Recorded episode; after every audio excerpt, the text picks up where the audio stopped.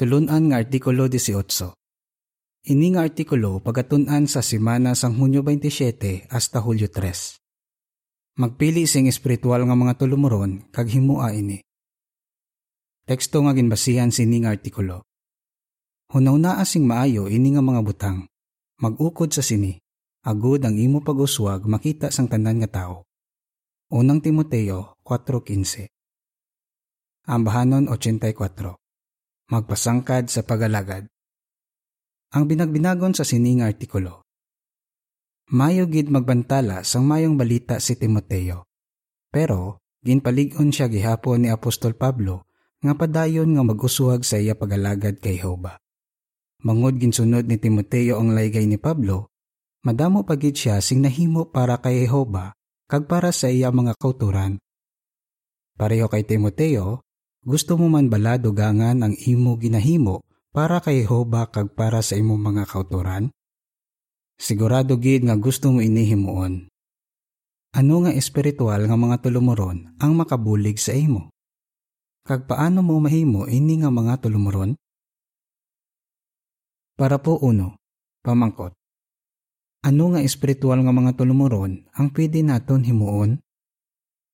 Bilang matuod nga mga Kristiyano, palangga gid naton si Jehova.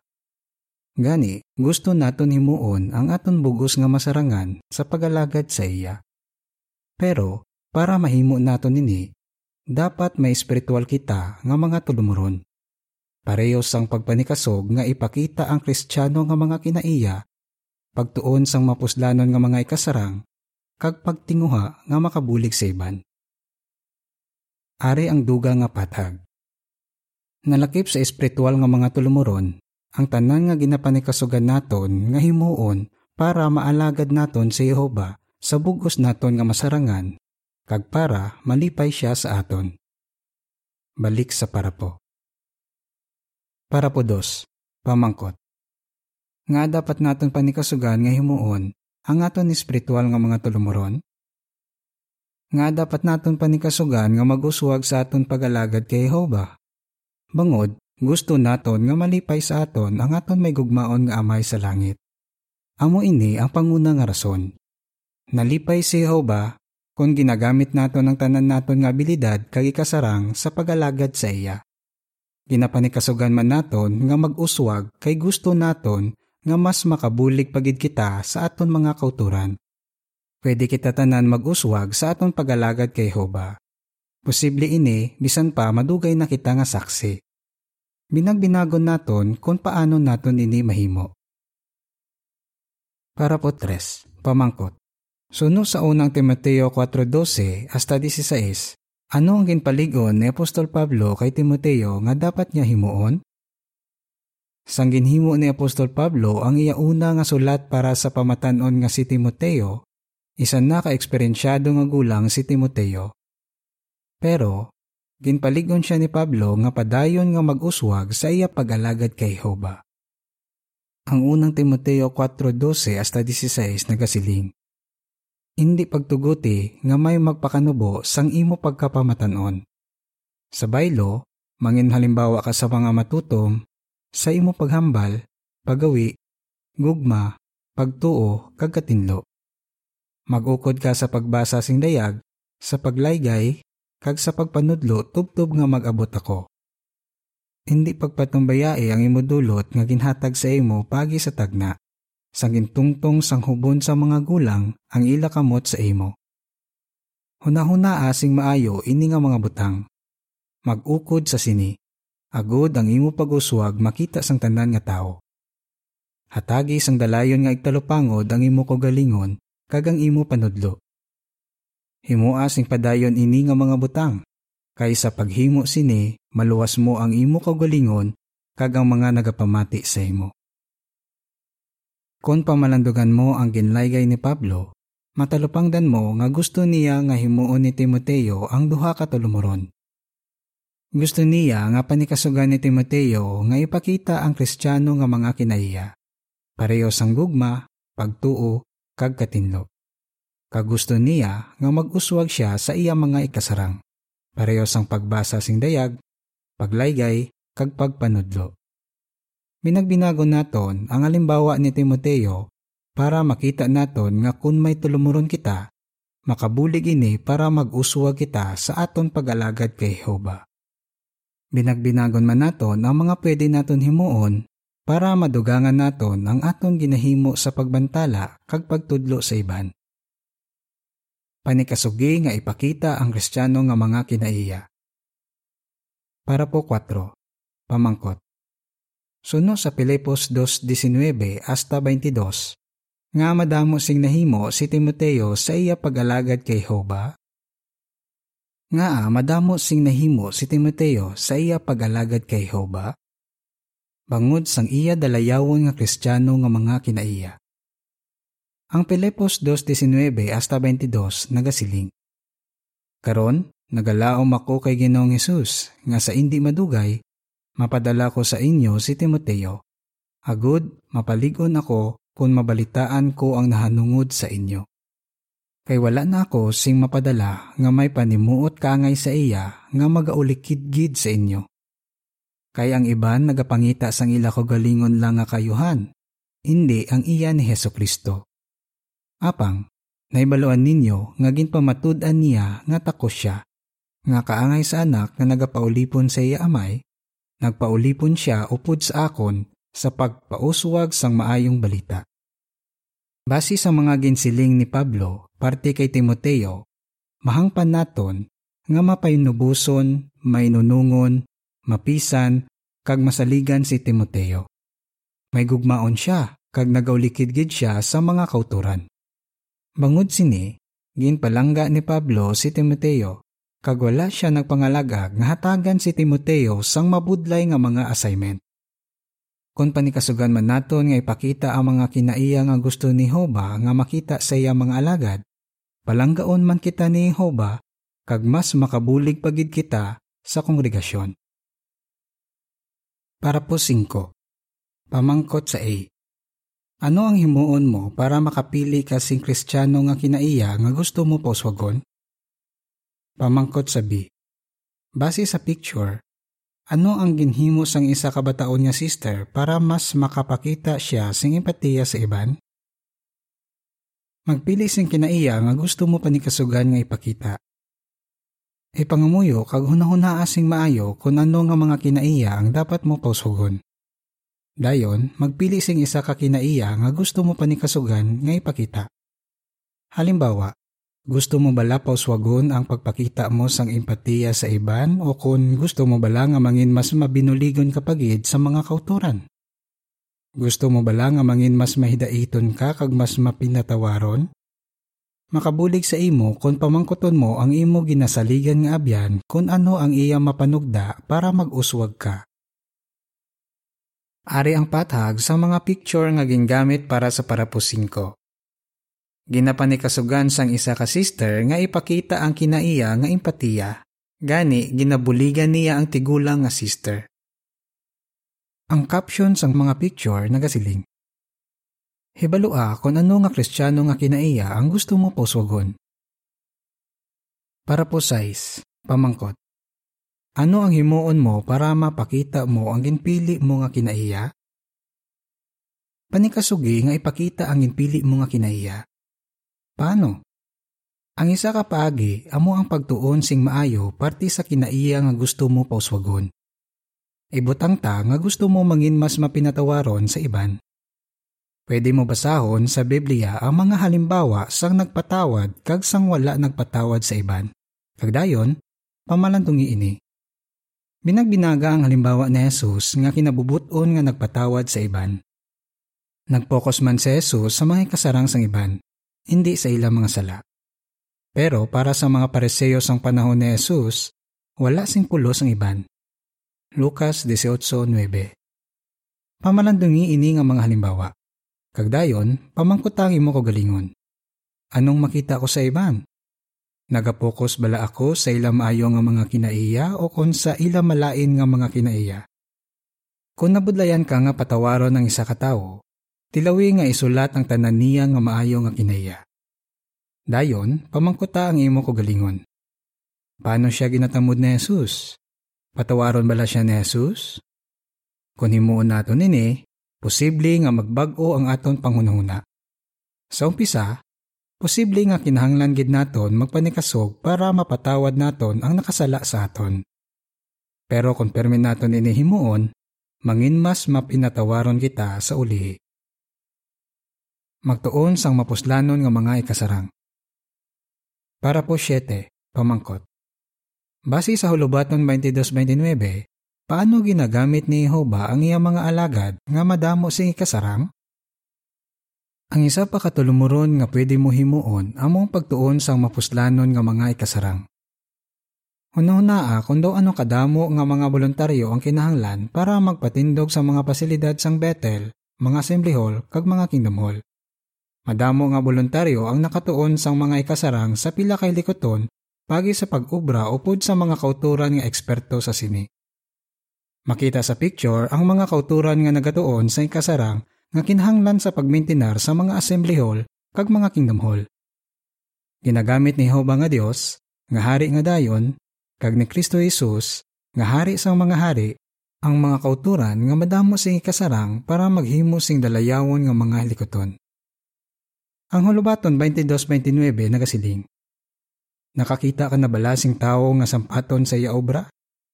Magatindog siya sa atubangan sa mga hari.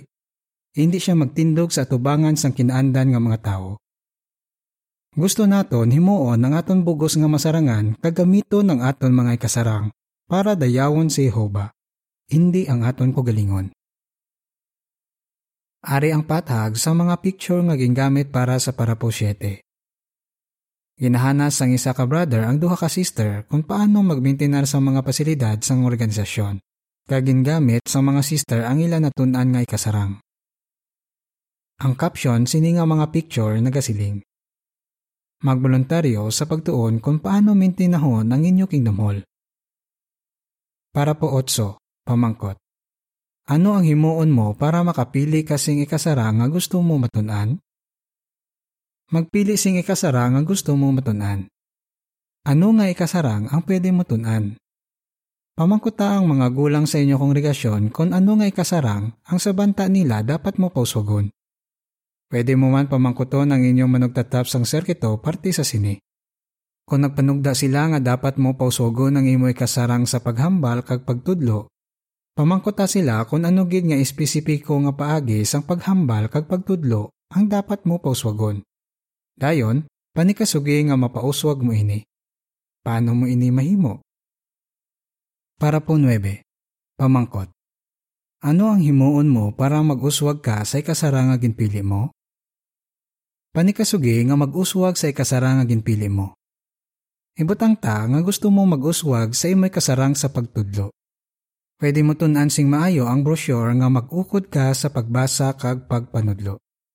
Kung may bahin ka sa midweek meeting, pwede mo pangabayon ng isa ka utod nga maayo magtudlo nga pamatian ka samtang ginapraktis mo ini para makahatag siya sing panugda kung paano mo ini pauswagon. Maayo gid kon mapauswag mo ang imoy kasarang sa pagtudlo.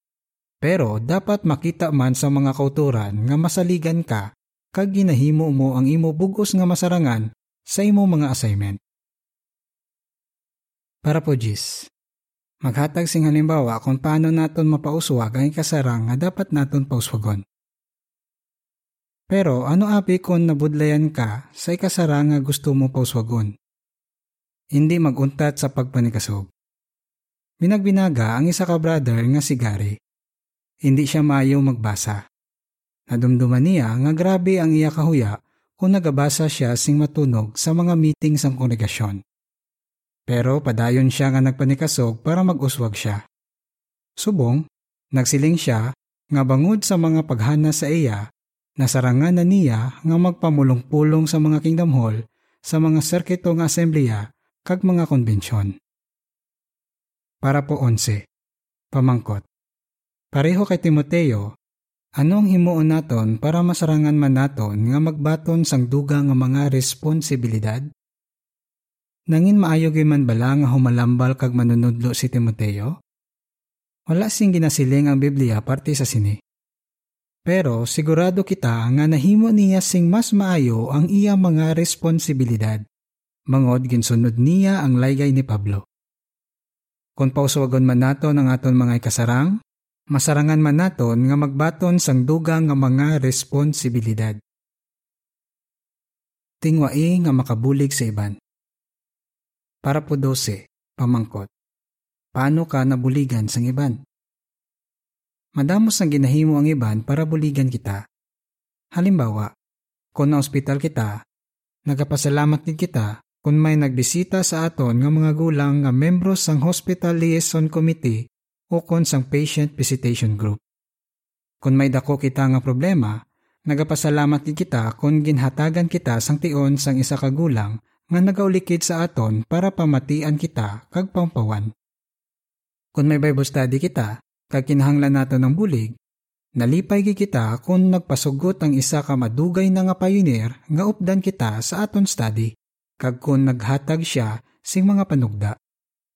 Nalipay gid ini nga mga kauturan sa pagbulig sa aton. Mabatyagan man naton ini nga kalipay kung buligan man naton ang aton mga kauturan. Mas malipayon ang nagahatag sang sa nagabaton, siling ni Jesus.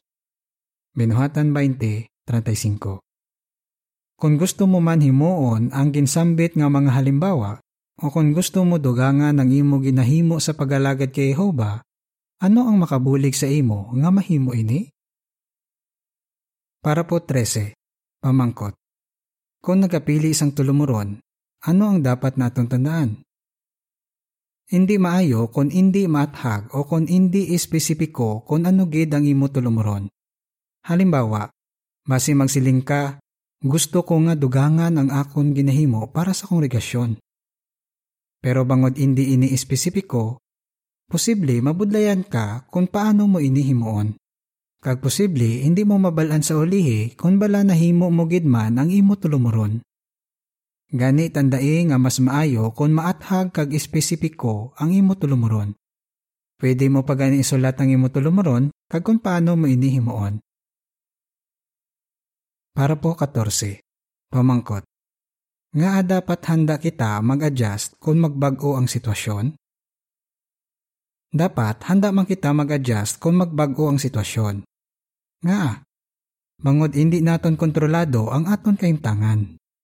Binagbinaga ang halimbawa ni Apostol Pablo. Nakabulig siya para masugdan ang bago nga kongregasyon sa syudad sang Tesalonika. Sigurado gid nga gusto niya magpabilin didto para buligan ang bag-o nga mga Kristiyano. Pero naghalin si Pablo sa syudad bangod sa mga nagapamatok. Kung nagpabilin si Pablo sa syudad, posible nga mabutang sa peligro ang iyang mga kauturan. Pero wala naguntat si Pablo sa pagbulig sa ila. Sa baylo, nag-adjust siya kay nagbago ang iya sitwasyon. Sa ngulihi, Ginpadala niya si Timoteo sa Tesalonika para pabakuro ng pagtuo sang bag-o nga mga Kristiyano didto. Sigurado nga nalipay gid ang mga taga Tesalonika kay handa magalagad si Timoteo bisan diin. Para po 15. Pamangkot. Kung nagbago ang aton sitwasyon, paano sini maapektuhan ang aton tulumuron? Maghatag sing halimbawa. May matunan kita sa eksperyensya ni Pablo sa Tesalonika Posible may isa ka tulumuron nga gusto naton himuon. Pero hindi naton ini mahimo kay nagbag-o ang aton sitwasyon. Kung matabo ini sa imo, magpili sing lain nga tulumuron nga masarangan mo nga himuon sa imo sitwasyon. Amo ini ang ginhimo sang mag-asawa nga sanday Ted kag Heidi. Bangod sang problema sa panglawas, naguntat sila sa pag-alagad sa Bethel. Pero bangod palangga nila si Jehovah, Nangita sila sing paagi kung paano nila madugangan ang ila ginahimo sa pag-alagad sa iya. Ang una nila nga ginhimo amo ang pag-regular pioneer. Sa ngulihi, ginassign sila bilang mga special pioneer. Kaginhana si Ted nga mag-alagad bilang talos nga manugtatap sang serkito. Sa ngulihi, ginsilingan ang mga manugtatap sang serkito kung asta sa ano nga edad sila pwede makalagad sa sini nga prebelyo. Narealisar ng daytay kag Heidi nga hindi na sila pwede sa sini nga pribiliyo sa pagalagad. Bisan pa nasubuan sila, kabalo sila nga maalagad nila si Jehovah sa iban pa nga mga paagi. Nagsiling si Ted, natunan namon nga hindi kami dapat mag-focus sa isa lang ka pribiliyo. Para po 16. Pamangkot. Ano ang matunan naton sa ginasiling sang Galacia 6.4? Wala kita sing kontrol sa tanan nga nagakatabo sa aton kabuhi. Gani, importante nga hindi naton paguna-unaon nga ginapabaloran lang kita ni Jehova base sa aton mga pribiliyo. Kag hindi naton pag-ikumparar ang aton mga pribiliyo sa mga pribiliyo sang iban. Si Heidi nagsiling, Masubuan ka kung ikumparar mo ang imo kabuhi sa kabuhi sang iban. Ang Galacia 6.4 nagasiling. Gani, dapat usisaon sang kada isa ang iya ko galingon nga hinimuan. Kag kung makita niya nga maayo ini, magkalipay siya. Apang hindi niya dapat pag-ipaanggid ini sa hinimuan sang iban. Importante nga mangita kita sing paagi kung paano kita makabulig sa iban kag maalagad si Jehovah. Para po 17. Pamangkot. Ano ang himuon mo para madugangan mo ang imo ginahimo sa pagalagad kay Jehova? Madugangan mo ang imo ginahimo sa pagalagad kay Jehova kung pasimplihon mo ang imo kabuhi, kag kung hindi ka mangutang kung hindi man kinahanglan. Magpili lang anay sang mahapos nga mga tulumoron nga makabulig sa imo nga mahimo ang gusto mo gid nga tulumoron. Halimbawa, kung gusto mo mangin regular pioneer, Tingwai nga mangin auxiliary pioneer sing sige-sige sa sulod sang pila ka bulan. Kung gusto mo mangin ministerial nga alagad, tingwai nga dugangan ang imo oras nga ginagamit sa pagbantala kag sa pagbisita sa mga nagamasakit kag mga tigulang sa inyo kongregasyon. Ang imo mga eksperyensya subong makabulig sa imo nga makabaton sang duga nga mga pribiliyo sa ulihi. Himua ang imo bugos nga masarangan sa bisan ano nga assignment nga ihatag sa imo. Para po 18. Pamangkot. Base sa picture, ano ang matunan mo sa halimbawa ni Beverly? May mahimo kita gihapon nga espiritual nga mga tulumuron bisan tigulang na kita. Binagbinaga ang halimbawa sang 75 anyos nga sister nga si Beverly. Nabudlayan siya maglakat bangod sang iya malala nga balatian. Pero gusto gid niya himuon ang iya bugos nga masarangan sa tion sang kampanya para sa memorial. Gani, nagpili siya sing espesipiko nga mga tulumuron. Sang nahimo ni Beverly ang iya mga tulumuron sa tion sang kampanya, grabe gid ang iya kalipay. Bangod sang iya mga pagpanikasog, napalig-on ang iban nga himuon man ang ila bugos nga masarangan sa pagbantala. Bisan pa limitado na lang ang mahimo sang aton tigulang nga mga kauturan, ginapabaluran ini ni Jehova. Ari ang pathag sa picture nga gingamit para sa parapo 18. Hindi na makahalin ng sister sa ilabalay. Gani, nagabantala siya pagi sa telepono kag ginaagda niya ang mga tao nga mag-attend sa memorial. Ang caption sini nga picture nagasiling. Magpili sing tilumuron nga masarangan mo nga himuon. Para po 19. Pamangkot. Ano ang pila ka espiritual nga tulumuron nga pwede naton himuon? Magpili sing mga tulumuron nga masarangan mo nga himuon. Panikasugi nga ipakita ang mga kinaiya nga magapasuod sa imo kay Jehova. Tun-i ang mga ikasara nga makabulig sa imo nga madugangan ang imo ginahimo para sa aton Dios kag sa iya organisasyon. Mangita sing paagi kung paano ka mas makabulig pagid sa imo mga kauturan.